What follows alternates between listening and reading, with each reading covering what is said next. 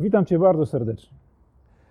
Mów do mnie, mów prostymi słowami. Kiedyś śpiewał Muniek na jednej e, z płyt Tilawu.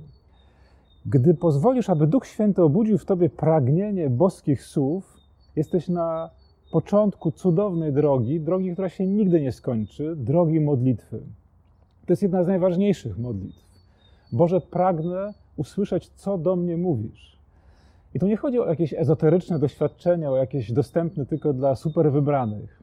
Otwierasz Biblię i wsłuchujesz się, czytasz te słowa, które On kieruje do ciebie, a Duch Święty znajdzie taką furtkę w Twoim sercu, przez którą przedostanie się z tą treścią, którą właśnie Tobie chce przekazać.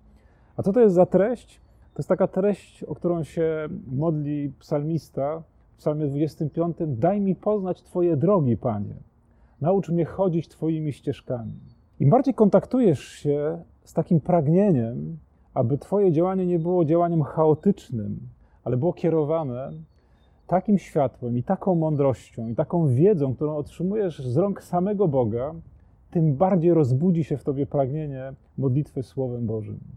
I to jest ta modlitwa, do której Cię dziś z całego serca zapraszam. Posmakuj tego słowa i zapragnij Bożego Słowa.